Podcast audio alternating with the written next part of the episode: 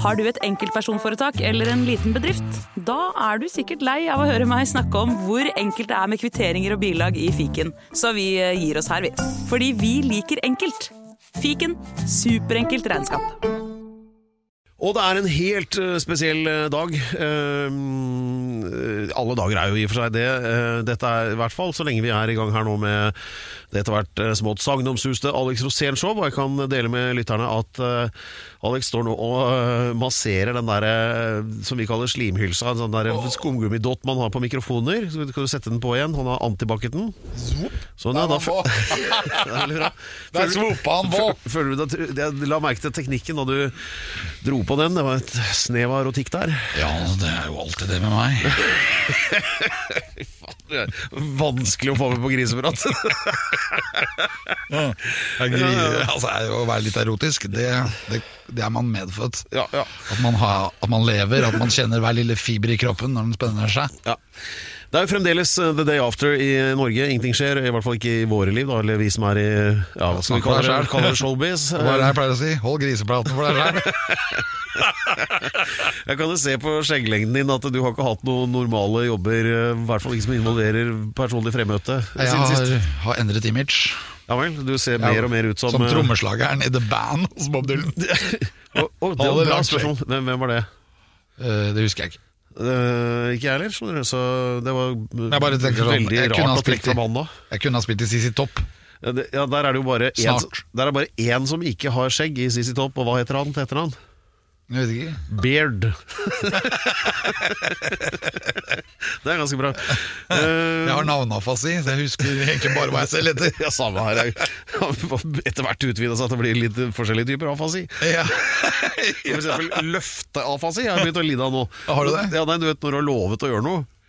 Og så, du sa jo at du skulle ikke sant? Eh, Og helt borte, ikke sant. Helt borte, det sa Det heter løfteafasi. Ja, det er jo det er deilig å å ikke huske på for mye, for at da blir du ikke så lei deg heller. ja. så det, så da pleier å svare med at du, det, det, min kvinnelige motpart at du kan ta deg av trøstinga, så tar jeg bæringa. Riktig. Men du har jo blitt general i militæret, har du ikke det? Nei, nesten. Ja, For du har jo veldig sånn stor militærkarriere. Ja, voldsom. Eh, Nei, men altså spanske militæret. Pedro. Ja, det derre dusk, Duskesko-kompaniet. Ja, Men hva er du nå? Er du- kaptein? Eh, ja, hvis jeg, nei, eller hvis jeg hadde blitt kalt inn nå, noe jeg ikke blir, så ville jeg kanskje fått majorsgrad, tror jeg. Major, ja. Ja. Major, Men det er sånn der Vi Major Hustados. for, Forsvarets eh, presse- og informasjonstjeneste. Vet du hvordan du uttaler major på spansk? Nei. Major. Mahor. Ok, greit. Hva med general? General. General. General Alessandros Rosados.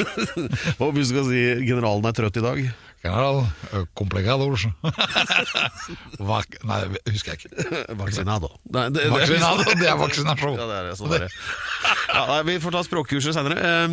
Det skal handle om uh, dine og mine og personlige og upersonlige dilemmaer. Og vi skal litt innom militæret. Vi skal litt innom militæret. Ja, eh, Jeg har lovet Alex at det skal også handle om kvinner i uniform, noe han er veldig opptatt av. Og, eh, men altså, dette leder oss inn på dagens gjest, som er her eh, ganske snart. Mm. Det er rett og slett vår egen Siri Kristiansen. Det skal bli ganske spennende. Hun har gjort en bemerkelsesverdig Fremtreden. Ja, i Kompani Lauritzen. Som av Det har slått an, gitt, det programmet der. Ja, fantastisk. Ja, Det er altså da en gjeng med norske generelle kjendiser som får Som bryne seg i, på som ikke har vært i militæret før. Det er ganske åpenbart. Der har vel du et og annet å lære bort. Ja, det har jeg, jeg elsker militæret. Der kan man jo bestemme over hvem som helst. Så når eh, du skal begynne kommanderingen, når Siri da snart kommer inn, hva, skal, hvilken, hva blir din første kommando? Ned og ta ti armbøyninger. Greit, da kommer det om litt. Alex Rosén Show. En podkast fra Radio Rock. Ja, nå blir det spennende da, å se om eh, du står ved det du har uh, sagt, Alex. Men nå er hun altså her, som uh, lovet. Hun, jeg vil si, brøyta seg inn i offentligheten for hva kan det være, ca. 15 år siden med å gi ut en rimelig frisk eh, dagbok basert på egne opplevelser, og siden så har det bare blitt enda mer nærgående. Og på ulike fronter, mye P3 og rundt omkring. Men det er du som egentlig skal gjøre denne introen, Alex. Du som gjør det på en sånn høytidsstemt måte. Du må reise deg opp. Ja. Så nå har jeg reist meg opp. Ja. Han gjør òg, vet du. Hun er standup, hun har vært standup lenge. Hun burde ha vært i militæret. Hun burde vært befal i militæret. Hun, eh, Eh, hun driver et program som heter Siri og de gode hjelperne. Og hun har braksuksess nå med Kompani Lauritzen, hvor hun viser at hun er enormt intelligent. Veldig smart, og under ekstremt press klarer hun å løse oppgaver ingen andre klarer. Jeg er fryktelig imponert, og jeg er nesegrus beundret av ingen enn Siri Kristiansen! Yeah! Siri, det er så Hall deg i studio. Du burde jo vært i militæret hele tiden. Du må jo trives veldig i det militæret. Jeg elsker militæret, og jeg er så lei meg for at jeg er for gammel til å gjøre det på ekte. Jeg er jo gammel kjemper. Ja, Jeg har vært i militæret dritlenge. Ja Det syns jeg er veldig vanskelig å se for seg, men jeg vet det. Ja, vi fikk jo resttjeneste. Tre Ja. uker resttjeneste i straff. Herregud. Jeg hadde vært ute og veiva med magen. Men jeg vet nå, jeg har funnet ut at det fins noe som heter Lottene, som er eh, Heimevernet, ja. eh, heimevernet for kvinner. Frivillig heimevern. Ja, og som egentlig kom fra Sverige. Ja, ja, det høres Fra, svensk ut. ja, fordi at etter eh, 20-årskrigen, da, Ja. sett med svenske øyne, eller med norske øyne, 11-årskrigen, Ja. så døde det 300 000 svenske menn. Oi. Så da var det ikke menn igjen til å være militære. Så da måtte kvinner være politi. De måtte være lensmenn, de måtte være brannmenn, og de måtte ikke minst være soldater. Kult. Det? Ja, ja. Og det er derfor de nå er eh, eh, Hva skal jeg si for noe? Eh, at de er eh, passive i alle internasjonale konflikter, Sverige. ja, ja. Fordi kvinnene bestemte, etter at alle mennene var døde, at Det er- de aldri mer skulle være i krig. De er til og med passive i koronakrisen, for å si det Yes. sånn. For en passiv gjeng. Herregud. Sverige er passive stort sett, men det er veldig morsomt med et sånt land hvor alle er passive. Alle gir helt beng. Sitter helt stille i båten. Nå er det invasjon. Nei, pff. Siri, så fint å ha deg her. Takk, hyggelig å Hvordan være går det i Kompani Lauritzen? Eh, det går jo bra. Eh, men eh, altså, jeg, det var en rar kurve, for i begynnelsen syns jeg det var eh, litt grusomt. Og så syns jeg det var helt, helt fantastisk. Og så på et tidspunkt blir jeg jo skikkelig lei. Eh, så det var, det var mye opp og ned, men den, der, den delen som gikk, den taktiske delen, som gikk på sånn ta seg inn i bygninger, finne gode løsninger, eh, skyte, gå i kamp, tenke ut noe logiske Altså den delen der, eh, selve liksom spesialtreningen. Ja, altså jeg, elsket det så, jeg har aldri elsket noe så mye i hele mitt liv. Du, vet hva, det, det var synlig. For altså, jeg så, eh, det mente jeg, og tenker at det, det så, der har du en dame som bare går inn i sonen. Ja. Nå er det trusler her og der.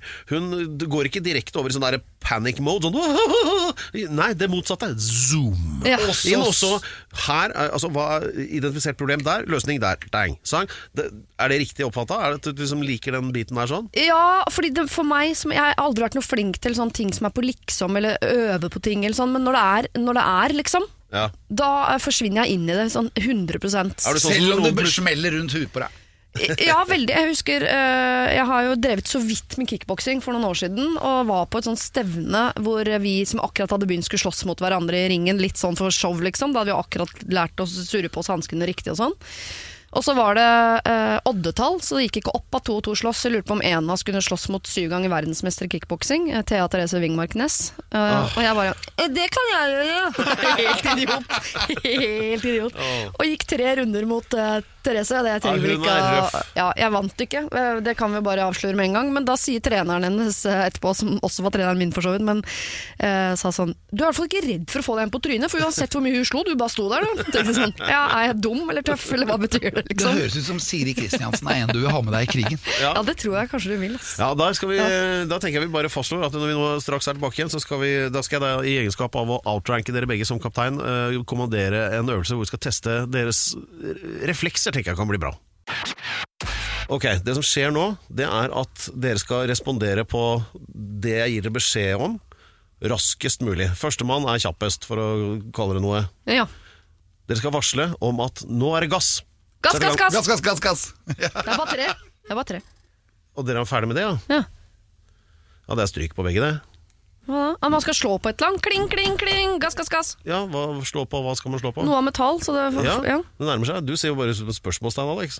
ja, jeg er blitt så gammel, jeg nå. Ja, Vi skal bare gi ordren, vi skal ikke si hvordan vi reagerer på den også. Der er på Jeg tenkte kanskje vi skulle løpe rundt og finne noe metall og klanke med. Da, ikke sant? Det er jo det. Å ja, det er for det er det man skal faktisk skal gjøre. Man skal ikke begynne å diskutere og vente på at sennepsgassen får tatt ordentlig tak i lungene. Ja, veldig svensk av oss, eh, Alex. Sittende på ræva og glo. Passivt og fint. Heldigvis så er vi ikke under invasjon akkurat nå. Men eh, gass, gass, gass. Ja, ja, men det var det man sa, da. Ja, ja. ja, man roper gass, og så skal man slå metall mot metall. da Ja. Da er enten, enten dette her spisefatet ikke sant? og, og geværløpet og eh, sånn klang, klang, klang. Og så på med gassmaske, og så skal du begynne å løpe med den på. Mm. Hadde dere mye av det? Ja, vi hadde litt av det. Det brukte jeg usedva... Altså hvis jeg blir stressa, så øh, Hjernen funker, men finmotorikken forsvinner. Så alt er sånn, jeg, noe jeg må bruke fingeren til, få på en maske, skru av et lokk, kneppe en knapp og sånn under stress, der, altså, de kobler ut. Det virker som kroppen min henter absolutt alt den trenger, ut fra, og sender det opp til hjernen. Sånn, nå må hjernen fungere, fuck resten.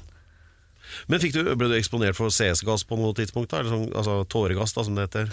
Nei, og jeg gleda Det høres helt jævlig ut å si, men det sto noen sånne gasskamre der. Jeg var helt, hver gang vi gikk forbi på vei for å spise, tenkte jeg sånn I, dag skal vi inn i de gasskamrene der. I dag skal vi inn i de gasskamrene der. Men det gjorde vi aldri. Ja, Det er bedre enn Otrivin, for å si det sånn, hvis du skal tømme nesa. Å ja. Ja. ja. Jeg hadde jo lungebetennelse under hele Kompani Lauritzen, så det var jo Jeg overdriver litt, men jeg hadde øh, Jo, jeg hadde noe bakterielt i lungene, ja. Jeg var innom en lege og fikk sånn vattpinne opp i hjernen. Det var ikke covid-19. Nei, det var ikke covid-19. I så fall er jeg den første. Da er det jeg som er flaggermusa. Det flagget. Men vet du, når jeg var i militæret, så følte jeg at jeg var i en film hele tiden. Ja, ja, ja. Jeg anmeldte, Jeg anmeldte, alltid rommet på engelsk. Oh, ja. Det er rart at ikke dere gjorde. Skulle man det? Ja, for det er veldig funny når du skal avmelde. ikke sant? At Ja, du drar på Nei, du skal ikke det. For Nei. de får jo hett fnatt, men det er så morsomt med de befalene. For Vet du hvem jeg hadde som befal? Fenriken? Jon Skau. Å, herregud. er ja, han er så autoritær, han Jon. Ja, ok. Mm. Når han kom inn, så kjørte jeg alltid på med full avmelding. Men uh, var det, altså, hvordan funka det å avmelde på engelsk? Det funka veldig bra, fordi det er veldig funny. Jeg het uh, 701 Rosén. Ja. Det var mitt nummer, mitt gardistnummer. Jeg var jo i garden.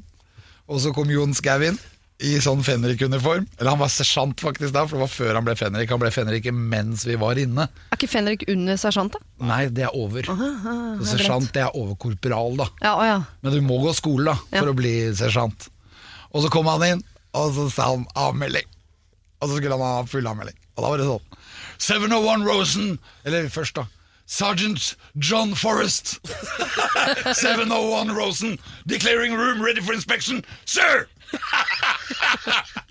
og så da sto han helt sånn forfjetret. Og så så han meg så Kan vi ta det på norsk, Rosén? Og da fikk jo jeg hel latterkrampe. Og det som var så morsomt, var at det gjorde alle rundt der. For det ble jo sånn der eh, offiser og en gentleman-stemning. og da blei det bare Så måtte jeg ta det på engelsk, da. Men jeg elsket jo også å late som at jeg var Rambo, ikke sant. ja. Og han prata jo ikke norsk. Han prata vel strengt tatt ikke i det hele tatt. Nei, han stønnet mer. Men, uh, Han blir litt tøffere på engelsk, jeg er enig i. Altså. Ja, ja. Ja. 701 Rosen, sir! Sånn du var du, du får liksom litt mer futt i det. Absolutt. Men Gøy å tenke på at både du og din Fenrik eh, gikk ut av militæret og ble eh, altså, komikere eller under- og entertainmentsmenn. Ja, det er helt utrolig. Jeg hadde aldri trodd at det skulle skje, for eh, Jon Skau var helt annerledes Ja. i uniform. Og min Fenrik også burde jo finne en scene et eller annet sted og, og sette opp et show. Maken til moro og mann skulle lete lenge etter. Ja, for han, ble, han ble morsommere etter hvert, eller? Var han ikke litt Ja. stressende i starten? Nei, Han var morsom hele veien. Morsom, morsom, morsom. Men streng, ja. Veldig, han er den mest naturlige autoritære mennesket jeg har møtt i hele mitt liv, men morsom.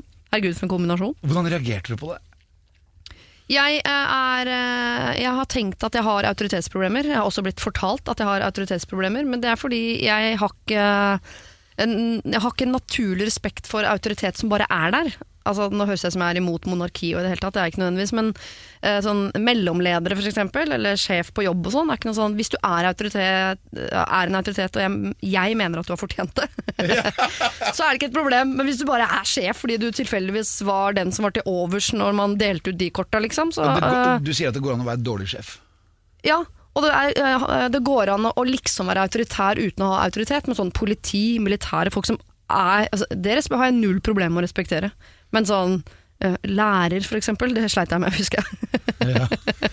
mindre man var en veldig god lærer, da. Du må, men du må ha litt peiling for å, å få, for at du skal føle at dette er en person som jeg kan godkjenne er autoritær? Ja, Du må fortjene autoriteten din, og den må være, og den må være ordentlig. liksom. Den må ikke bare være sånn eh, Nå gir jeg beskjed fordi jeg er sjef, og det bare gjør jeg fordi jeg har jobba her lengst. Ekte autoritet lager ikke mye lyd.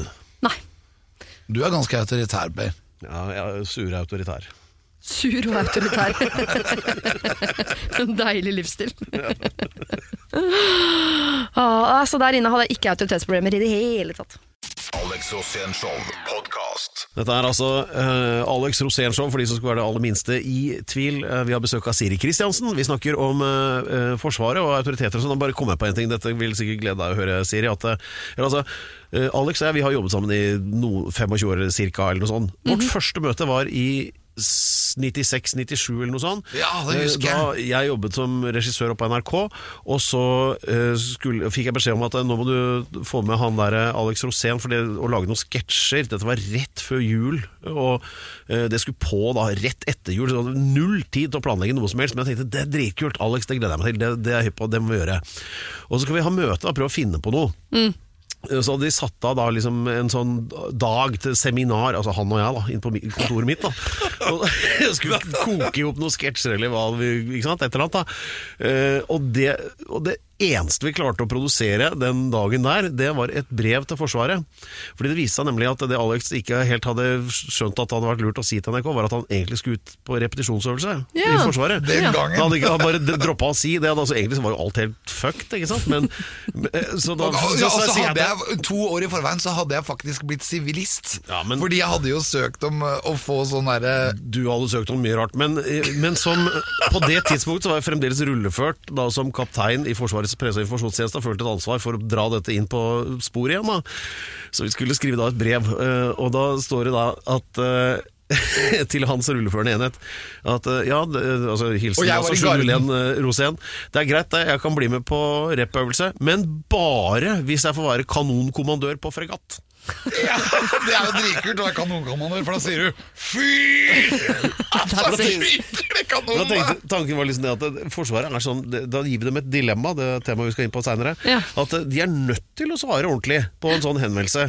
Men da går altså Det er som du liksom slutter å smøre tannhjulene. Og det bare Full stopp. De klarer ikke å komme opp Det tok flere måneder før de klarte å komme Ja, med et svar på det. De skjønte ikke hvordan de skulle svare på det. For ingen hadde bedt om å bli kanonkommandør på fregatt når du er i garden. Det er jo hæren, og det andre er marinen. Så det er, liksom, det er helt umulig. Vi kan dessverre ikke tilby den plassen. sånn Kom det da i juli eller noe sånt? Kom det Ja, det kom, og det var helt umulig at jeg kunne bli kanonkommandør på fregatt. Og i mellomtida så hadde vi laget hele TV-serien. Ja, og, og så, men så var det en ting til også. Det, jeg ble faktisk da tatt ut av militæret. Ja. Da, da var det, gikk jeg over i reservetropper, og de tenkte at han som har vært i garden, som har, tror han er kanonkommandør for fregatt, han kan ikke ha meg med. Han kan ikke passe, Det er ikke han som skal passe på oss. Han må passes på. Han må passes på! Så da blei det bare Da gikk jeg over i reservestyrken, og det var det. Ja. Og rett inn som soldat i NRK. Ja, Du har jo har jo ikke vært helt ukjent med våpenbruk etterpå heller. Nei, da jeg ser jeg et våpen, så har jeg alltid lyst til å kaste meg litt rundt og komme meg ut i gjørma. Ja, ja, ja, det skjønner jeg veldig godt. Gjørme er jo uh, altså Det første møtet med gjørme i militæret er helt fantastisk. Visste ikke at man kunne blitt så glad i gjørme. Ja, Da, hva Ja, men jeg har sett det på så mange filmer at de eh, drar seg på albuene gjennom sånne lave gjørmehinderløyper. Og det, det, var, det var en av de aller første tingene vi gjorde i Kompani Lauritzen, var akkurat det. Og det var det sekundet jeg skjønte sånn Dette livet elsker jeg. Her skal jeg bli. Det er det som heter lav åling. Lav åling i gjørme, ja. Ja. Det, jeg elsket det. Jeg vet ikke hva jeg elsket med det, jeg synes det, men jeg syns det var helt fantastisk. Det er er du ganske sånn- alene om. Ja, det tror jeg kanskje jeg var. ja. Jeg syns Ja. ikke det kunne gå fort nok. Jeg hadde, jeg ble, altså, det klikka for meg. Jeg hadde lyst til å smøre i ansiktet. Og... Åssen funka det å være våt hele tiden? Uh, ja, vi, var ikke, vi hadde utrolig flaks med var, uh, været, så det var, uh, vi var stort sett tørre, bortsett fra når vi hadde krypet i gjørme. Og da hadde vi en sånn drakt på oss som vi aldri brukte igjen. Så ja. eh, det gikk egentlig fint. Så Hvor var dette? Åndalsnes noe sted? Eller? Åndalsnes, ja. Rauma der, eller? Ja, vi bada jo i Rauma, men den leiren heter Setnesmoen. Ja, nettopp. Ja. Det er jo ikke kjent for eh, tørt og fint vær. Ja, det er rare at jeg sjekka Setnesmoen på Google Earth før vi dro opp, fordi jeg er ikke noe glad i å gå i fjellet. Eh, og jeg syns, tenkte jeg sånn, åh, takk og lov, det er helt flatt der. Ja. Tenkte jeg, fordi akkurat i leir så er det jo da en femøring som er flat, så, så dro jeg ikke kartet langt nok ut og si at det er jo det er ikke noe annet enn høye fjell i Åndalsnes. Det er det stedet med flest høye fjell i Norge, liksom. Og så skulle vi være på en leir på en, Det var ikke mulig å gå noe sted uten å gå i oppoverbakke på det stedet. Så da, Var du veldig glad i naturen før du kom inn i militæret? jeg, er- jeg er kjempeglad i å være ute i eh, naturen, men jeg er ikke noe god på å rigge det. Så derfor så til stadighet sier jeg ja til sånne utfordringer hvor andre eh, sier 'gå i kanoen', sykle opp den veien. Ting jeg tenker at jeg, jeg vil ikke sette det i gang sjøl, men jeg sier ja når noen gir meg beskjed om det. Og du liker autoriteter også. Ja, jeg gjør, Du er litt sånn schizofren, du. Nei, men det er så sjel- dette, eh, Nå skal jeg si noe av det verste jeg kan si. eh, men det er så sjeldent jeg møter noen som jeg opplever som mer autoritær enn meg selv. Oh, ja. Så eh, vi skal ganske høyt opp eh, før uh, jeg tar imot en beskjed. Det, men når, jeg, når vi først kommer dit, så elsker jeg det, Fordi da kan jeg eh, koble ut min autoritet og bare være du, eh, sånn marionettdukke. Ja. Det er utrolig deilig å slippe å tenke sjøl, bare få beskjeder. Ja, det er det. Dritdeilig. Herregud, hvis jeg kunne gjort det oftere, så hadde jeg vært uh, uthvilt. Jo, så finner man noen som, eh, som kan levere det der, der ikke sant? Så gi beskjeder og sånt, og så er det deilig en stund, og så Ja. begynner du å innse at de beskjedene er bare tullete. Og så gjør man opprør, og så er det Ja da. And then repeat. På et eller annet tidspunkt hadde jeg gjort mytteri i marinen, altså. Det innser jeg. Det høres ut som et veldig bra mannskap. Ja da. Ja. Du vet at eh, Siri her, vet du, Alex, hun er jo landets fremste sånn dilemmaløser. Å ja. Du har fått med deg det? Ja, Ja. og jeg vet at vi har et par problemer. Ja, vi har en god del av dem, så eh, men dette skal vi tenke på. Men snart, eh, eller før det, da, så er det jo eh, dette, eh, dette programmets eh, rosin eh, i rosén i pø- pølsa, og det er altså Eventyrstund, hvor Alex deler en historie fra sitt mangslungne liv med oss vanlige dødelige. Det kommer nå snart. Og hva er overskriften eh, denne gangen? Nei, det må være militær. Har du et enkeltpersonforetak eller en liten bedrift? Da er du sikkert lei av å høre meg snakke om hvor enkelt det er med kvitteringer og bilag i fiken, så vi eh, gir oss her, vi. Fordi vi liker enkelt. Fiken superenkelt regnskap. Alex Rosén det er programmet for deg som er eh, litt over middels kresen. Og her sitter han. Det er så bra. Jeg tenker aldri at du må være kresen. Nei, det var drøyt, da. Her er det så mye rart ikke som jobben er for å stå inne for det vi påstår, akkurat. Men eh, eh, det er jo Eventyrstund nå, da, og det er det segmentet hvor eh, Alex deler en historie fra sitt mangslungne liv med oss eh, lyttere. Og du hevdet bramfritt at eh, det skulle handle om militæret, men det tror jeg var feil, for du husker Ja. ikke helt hva det Ja, egentlig men det er skulle være. litt som militæret. Ja, right, greit. Fordi jeg, hadde, jeg spilte jo rockeband, og jeg spiller jo det ennå. Masse rockelåter. Og Alex Rosén and The Young Dudes skulle ha konsert, og så var vi booket inn først på Gaustad. Og Gaustad er jo sånn psykiatrisk avdeling. Ja. Det Sånn gjøkeredde, ja. Ja. Og vi spilte der, og det gikk bra. Og så skulle vi spille på Blakstad og på Dikemark, så var alle de samla på et sted. da Og den dagen så hadde han bassisten min, da, som er et beinrangel, han har jo ikke muskler, han har bare bein. Han hadde klart å reise seg opp feil i senga, så han hadde fått ischias. Eller fått sånn utposning mellom ryggradene. Ja. Så han hadde fått sånn um, prolaps. Ja. Og det betydde at han klarte jo ikke å gå, vet han, Vi måtte ha han liggende inne i bilen. Og han kunne ikke sitte heller, for da ble det dritvondt. Så han måtte ligge, og så skulle vi komme frem til scenen. Altså vi måtte ha egen sånn sykeseng til han, og heldigvis så var jo dette Blagstad, da, eller Ja. Dikemark. Dette er jo to sykehus som ligger ganske tett inntil hverandre. Og alle er psykiatriske pasienter, så alle er jo litt sånn eh, korte lunter, da. Og, men de er ærlige. Ærlig som bare det. Og vi går på scenen, og han eh, bassisten min Han blir liggende på sjukeseng inni et hus bak scenen. Hvor han må ligge og spille bass. Så han ser jo sjukest ut. Men alle i publikum, da, det var jo innsatte, da. Som alle var jo sjuke. Og alle var gærne. Og så går jeg på scenen, og så ser jeg jo plutselig at publikum tar jo helt av når vi går på. Ikke sant? Jeg vet ikke hvor ofte de har livekonserter der, men det kan ikke ha vært ofte, for alle skulle jo dive. Og de diva jo der de sto. Så de, de behøvde ikke scenen for å dive. Så de diva, de løp opp på krakker og bare hoppa. Og så var det jo alle, alle var jo publikum. Men det var like mye sykepleiere som det var publikum. Så det sto sykepleiere rundt i ringen da, med hele det publikummet som hoppa og blei helt rytmeboks foran scenen. ikke sant? Og så så jeg alle de sykepleierne dro opp sprøyte. Og så kom han derre ene fyren da, i, publikum som var he... Som, han hadde sånn tilsløra blikk. ikke sant? Sånn Han så på meg, men så så han ikke på meg likevel, for han så litt rundt. hvis du skjønner. Ja, ja. Så jeg tenkte sånn at oi, nå må du fokusere. Så jeg fokuserer skikkelig på han, da. Og så ser jeg plutselig at disse sykepleierne begynner å gi sprøyter til publikum. Så fra å være helt klin gærne, alle publikummerne, så begynner de å slappe av. vet. Altså, og Sykepleierne bare hopper fram og sprøyter dem der de står? Ja, ja, for at de, de, så jo, de så jo bare at publikum antageligvis blei sjukere av den konserten. Og da trengte de å gi dem sprøyte. Men da klarte vel dere som proffe musikere å, å kaste på en ballade for å bli med på Ja, stemninga? Ja, vi, men den vi var jo bare i låt nummer én. Så vi er jo nødt til å dra opp tempoet, ikke sant? Ja, ja, ja. Og vi hadde avtalt at de tre første låtene skulle være uh, up-tempo, da. Ja, ja. Sånn at liksom, vi skulle lage bra stemning, og så skulle jeg spille uh, Shipsong med Nick. Cave, for liksom Nå er vi på Tordenskjold-bagen, og det er jo en ballade. Ja. Eh, Men vi hadde jo ikke kommet fram dit et sted. Vi var jo fortsatt på lott nummer én. Og så ser jeg de sykepleierne, han som står foran, han får sprøyte i halsen. da Og så fra det der litt tilslørte gærne blikket, så sovner han.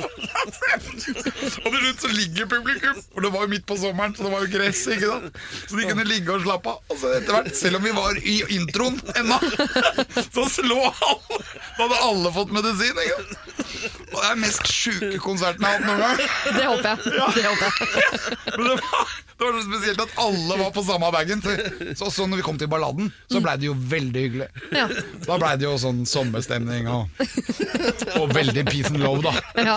Og alle, alle lå der, og, da, og vi fikk aldri opp tempoet igjen. Altså, eller vi fikk aldri publikum opp igjen, da. Det er ikke helt ulikt uh, Kvartfestivalen i gamle dager, bare en annen type dop. He, ja, og de innsatte hadde jo Det var selvmedisinering mer. Ja, ja. Her var det jo masse sykepleiere. Så etter hvert så overtok jo sykepleierne den der eh, diggingen, da. Ja. Når alle pasientene lå så. Og det, for meg Det var som å spille i St. Quentin med Johnny Cash. St. Quentin, you're living hell to me. Og så ble det Dikemark. Ja, ja, ikke sant? Og det, utrolig opplevelse. Aldri opplevd maken. Rock'n'roll. Livet sånn. Å, herregud. Alex Rosén Show. En podkast fra Radio Rock. Alex Rosénshow, ja, rett og slett. Og eh, vi har besøk av selveste Siri Kristiansen. Eh, Vi hørte nettopp den fengslende historien fra Blakstad eller Dikmark, eller der hvor alle i publikum var dypt bedøvet allerede i låt én på konserten til Go-Go Gorilla. Har du Nei, ikke Go Go Go Gorilla. Alex Rosén and the Young Dudes. Dette er ikke lenge siden. Dette er bare kanskje to år siden. Ok, Så det er ikke, nei, det er, det er ikke lenge siden. i det Hvor mange i bandet var nede og prøvde varene på Ja, det tar vi en annen gang.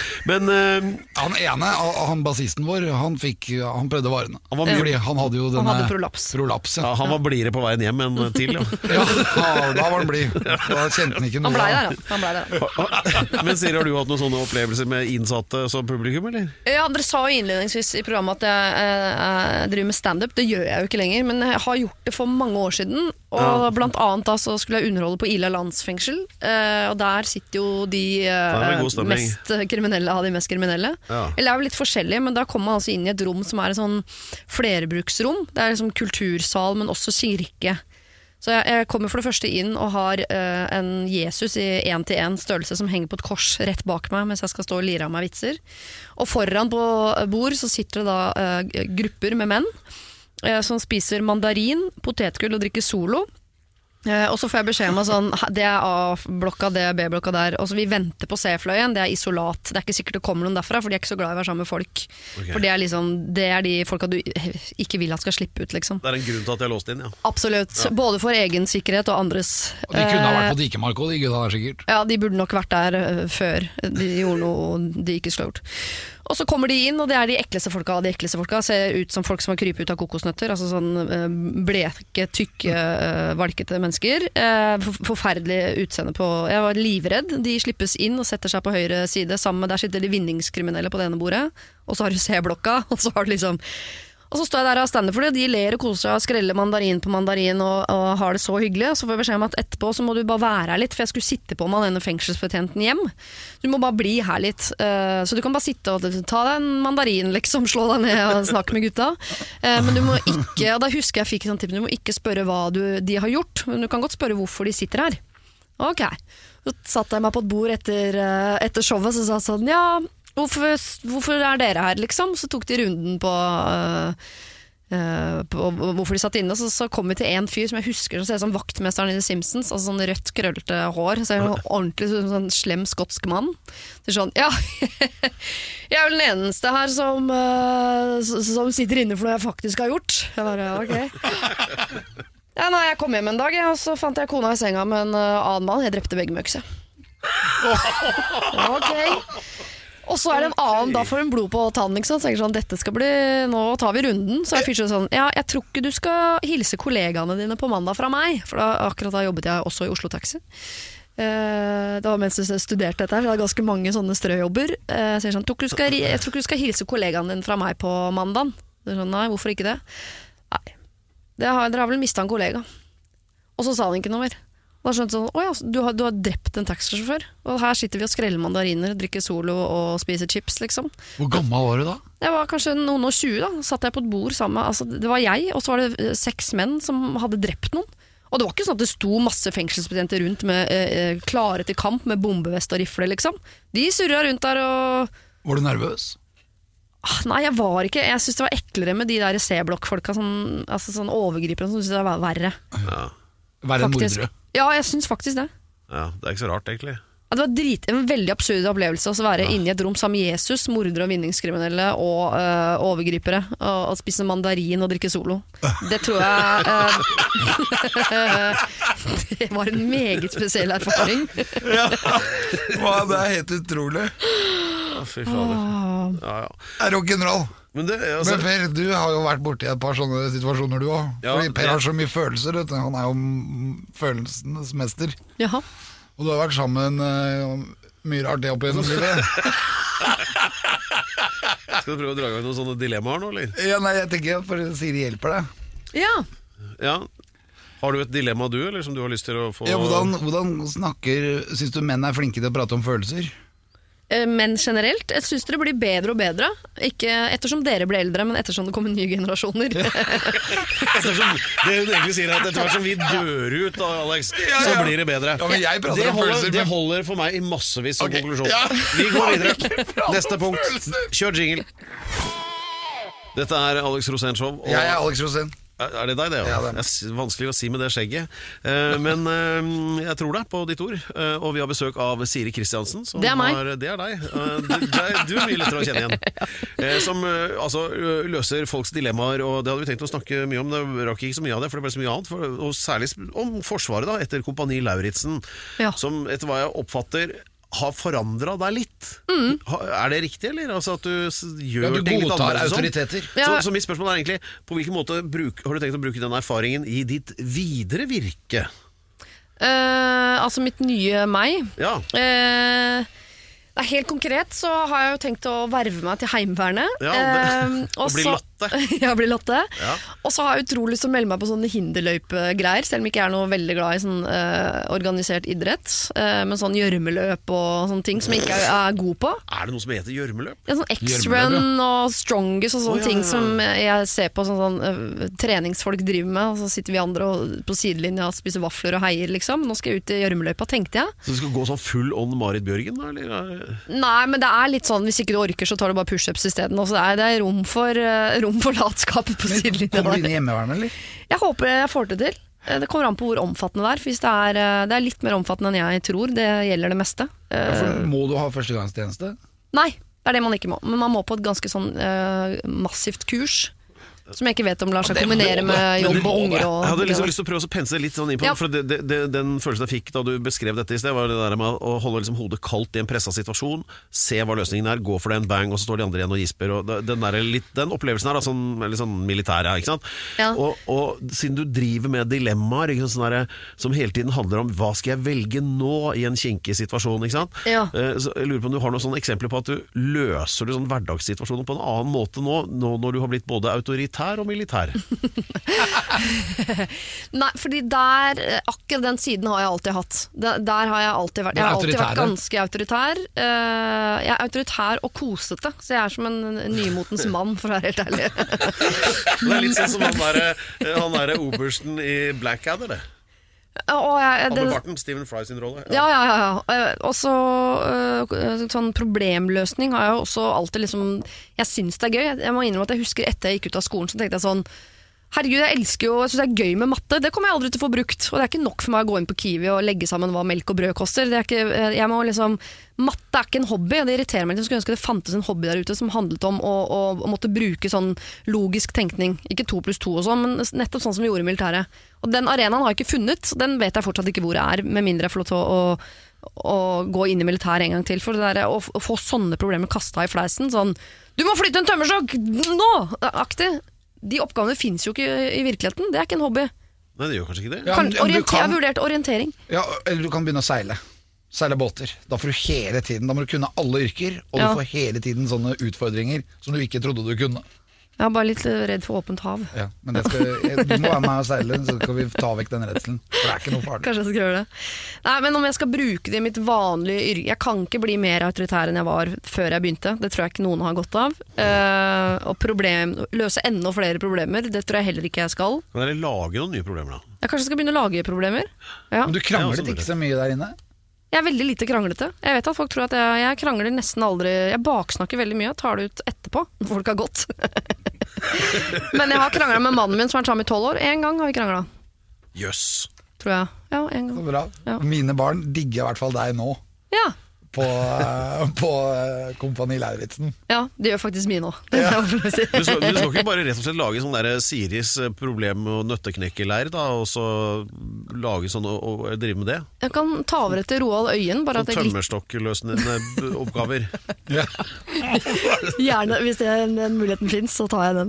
Ja, Jeg så deg in action med den der flytte tømmerstokker for å lage fire kvadrater der det opprinnelig var tre, eller hvordan det nå var. Ja, omvendt. Mm. Ja, ja, kanskje det var det. Eh, Og det tok vel 11 sekunder, eller noe sånt. De andre klarte det ikke på normert tid, som var tre minutter. Ikke sant? 30 minutter. Var det det, ja?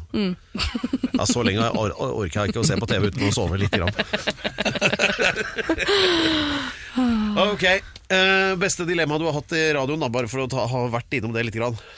Beste dilemma jeg har hatt i radioen Det er jo mye Jeg syns det er veldig gøy med eh, problemer som har mange x-er og y-er. Ja. Dine barn og mine barn og de felles, så skal jeg levere dine unger i barnehagen når egentlig jeg har fri. Altså de der hvor det er mange sånn ekskoner og eksmenn og, og innpåslitne naboer og vanskelige unger og skoleflinke unger og en katt og en bikkje og altså de der hvor det er Mattestykket går aldri opp, det bare ramler alltid inn en ny X eller Y. Det Ja. syns jeg er eh, Da koser jeg meg. Voldsomt. Ja. Ja, Det ikke høres sånn ut som hos meg, det her.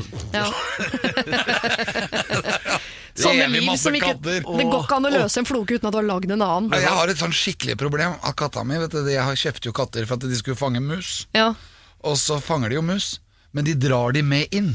Og så lever de. Så at de slipper løs musa, så ser jeg bare musa går, og så skal han liksom ha ros for det. Men jeg skal jo ha til å ta musen ut! Altså Før hadde du mus ute, nå har du mus inne, og Ja. du har katt. Ja, Ja, Som jo er en form for mus, bare større. ja så det blir mer og mer mus inne. Det skal nå drepe den i hvert fall, da. men jeg skal sitte og leke med den. Skal du- Og rase denne musen rundt, og så ete litt av den. Men Og så kravler den musen videre. Måten å løse dette problemet på, sånn typisk måte å løse det problemet på, er jo da å kjøpe en flodhest som kan drepe kattene. Og når det blir mye flodhest der inne, så må du inn med noe uh, mammut. så, sånn løser nordmenn ofte problemer. som tar katter. Men de er jo så søte, de kattene, bare de ikke fanger mus. Åh, det er, eh, jeg tror du kunne hatt en sånn der eh, Rosén spesial ja, og en hel episode bare til dine hverdagslige problemer. Ja, for det er ikke Det er få mange, altså. problemer, Og særlig hvis du involverer bandet ditt. Da blir det mye, da. Ja, da blir det med. Det er helt uaktuelt. Kanskje du skal ta en spesial på det, hvor du ikke kommer for å hjelpe, men du kommer for å, å fucke opp. Eller altså lage problemene, så skal vi hjelpe til. Jeg- bare, jeg er redd for hvor eh, lite gjenkjennelig det blir, for jeg tror ikke det er så mange andre mennesker som har de problemene du har. Ja, men Det var litt sånn som du sa i stad, at det er x-er og y-er Ja. og masse nye ting. Og Ja. så kommer det nye problemer hver eneste dag. så skal de løses, og særlig med masse dyr. Ja, det er Jeg, altså. jeg vokste jo opp i sånn dyrehelvete. Ja. Mus og hamster og Ja. Det er mye dyr man kan ha. Ja. Ja, inntil visste jeg at alle de der ekserne, det var selve livet. Husker jeg hadde akvarium også. Ja. Men jeg hadde akvarium, og da hoppet jo alltid fisken ut av akvarium. Så måtte jeg putte den opp igjen, for så døde den jo. Og så var den oppi der i to sekunder, og så hoppa den ut igjen. Ja, til slutt så døde den, da. Til slutt så hadde den jo tørka ut. Du var lei av å plukke den opp. Ja, Men jeg, jeg kunne jo ikke være hjemme hele tida for å putte den opp i vannet igjen. Jeg kommer ikke på jobb i dag, jeg får passe på en fisk. Ja. det går ikke. Det går faktisk ikke. Nei, det går ikke. Da skal vi bare plugge inn her eh, sånn helt avslutningsvis at eh, Siri og de gode hjelperne, det er søndager Lørdager og søndager fra 9 til 11, podkast fredag kveld. Topp. Få med dere det. Det er eh, viktig info der. Og særlig hvis det blir Alex Rosén spesial. Er du med på det, eller Alex? Hvis det... Ja, ja, ja, jeg kan være med på hva som helst. Ja. Da må du si pent tusen takk nå til eh, gjesten vår. Eh, tusen takk, Siri. Takk for at du kom. Tusen takk, Vi Alex. gleder oss til å se videre på Kompani Lauritzen. Ja. Eh, takk til Remi, som har vært tekniker, og ikke minst eh, researcher Lance. Og Pedro Giafrato Loca de la Estados. Ingen. Alex Rosenshov på Radio Rock og podcast. Snakkes. Alex Rosénshow på Radio Rock. Ny episode hver fredag der du finner dine podkaster. Radio Rock. Sektor Alarm presenterer Barn som lyver om nøkler. Jeg var ute og spilte fotball med gutta, og så la jeg nøkkelen i gresset, og så kom det en struts, da, eller en flamingo eller noe sånt, og bare tok nøkkelen, og så ble han borte bare, nøklene og strutsen, eller spurven. Sikkert. Uansett, akkurat nå har Sektoralarm kampanje på boligalarm og dørlås med kode istedenfor nøkler, slik at barna alltid kommer hjem til en trygg bolig. Les mer på sektoralarm.no.